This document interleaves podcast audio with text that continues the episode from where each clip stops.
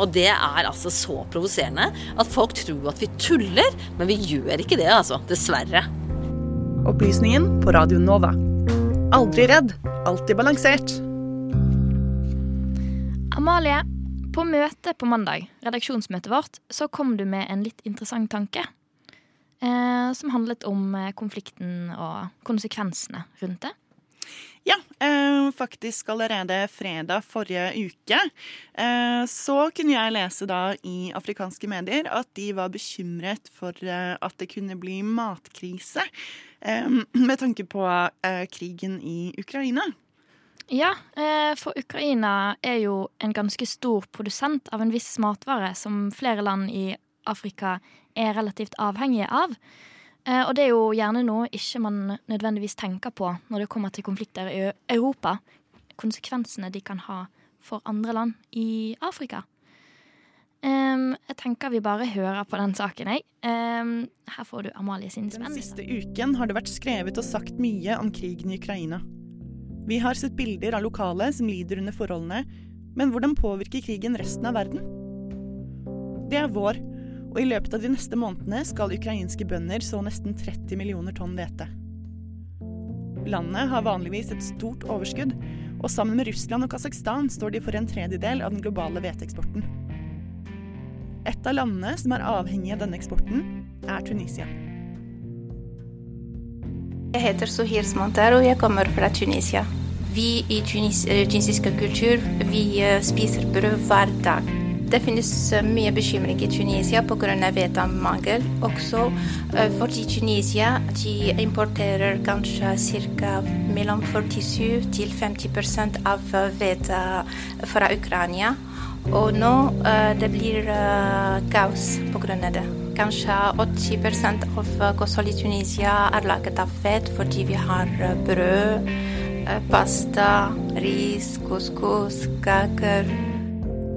Jeg ringte statssekretær Christian Anton Smedshaug i Klima- og miljødepartementet for å få vite mer om situasjonen.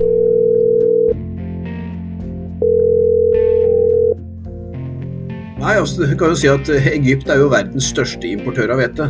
Eh, Det er hvete som er liksom basismatvaren i eh, Egypt, da, som er basis for brød og den brødkulturen de har, som er ganske utviklet. Du sier at de skal ha 8-9 millioner tonn hvete i import, og det er eh, betydelig. Vi importerer kanskje et par hundre tusen tonn mathvete, sånn til sammenligning. Så, så, så vi er mygger i dette. Men øh, så, så Egypt er en veldig god sånn indikator på situasjonen. Eh, tilsvarende Tunis, altså det er jo et relativt lite land, men skal huske at den arabiske våren oppsto på markedet i Tunis da det var en som satte fyr på seg fordi nettopp i protest mot eh, matvarepriser og den generelle inflasjonen som var den gangen. Flere nordafrikanske medier uttrykker nå bekymring for hva som skal skje dersom hvetene fra Svartehavet uteblir. Flere land har allerede begynt å se etter andre løsninger, f.eks. i Sør-Amerika. Eh, Uruguay og Argentina er jo såpass langt sør på den sørlige halvkule at eh, de eh, kan produsere hvete. Så de kan gå til Uruguay og Argentina, men de kan også gå til Australia, som også er på den sørlige halvkule og høster nå. Og Australia har veldig gode avlinger nå, og det er veldig positivt.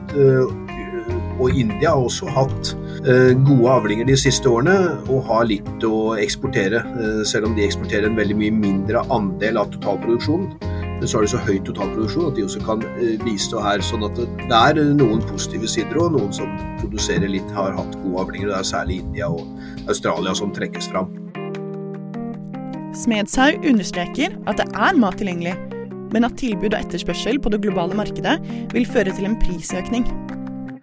Det som for så vidt er eh, viktig å huske på, at det er ikke sånn at det ikke er mat tilgjengelig i dag, og det ikke er hvete tilgjengelig, men pga. at prisen er ganske høy, sånn at du tar ut da de som har lav kjøpekraft, de opplever da knapphet, og så blir det dyrere i nord. Det er jo egentlig situasjonen og det vi, det vi forventer oss. sånn at det, Den største utfordringen her nå, det er jo å få eh, en beredskap internasjonalt, også kanskje ved det internasjonale matvareprogrammet i eh, Roma, altså, som jo også fikk Nobels fredspris eh, nylig. Eh, nettopp å, å, holde de på så høyt nivå at man kan være med å stabilisere så godt man kan på særlig de landene sør hvor kjøpekraften er svak, og hvor de prisnivåene nå vil bli veldig problematiske å håndtere.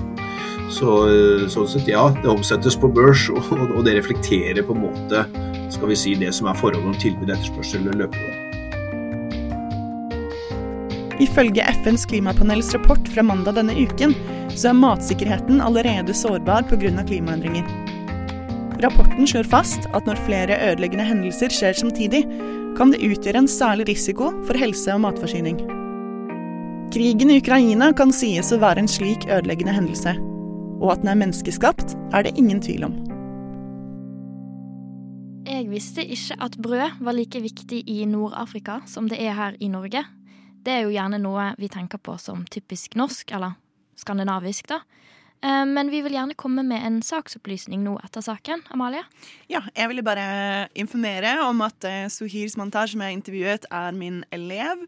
Men vi har ikke karakterer på skolen min, så hun får ingen fordeler av å ha deltatt i dette intervjuet. Det var veldig, veldig givende å ha henne med i intervjuet. Jeg syns det var veldig kult. Ja. Medvirkende i denne saken det var jo da Amalie Sundby. Lyden det var session, fra Session.blue.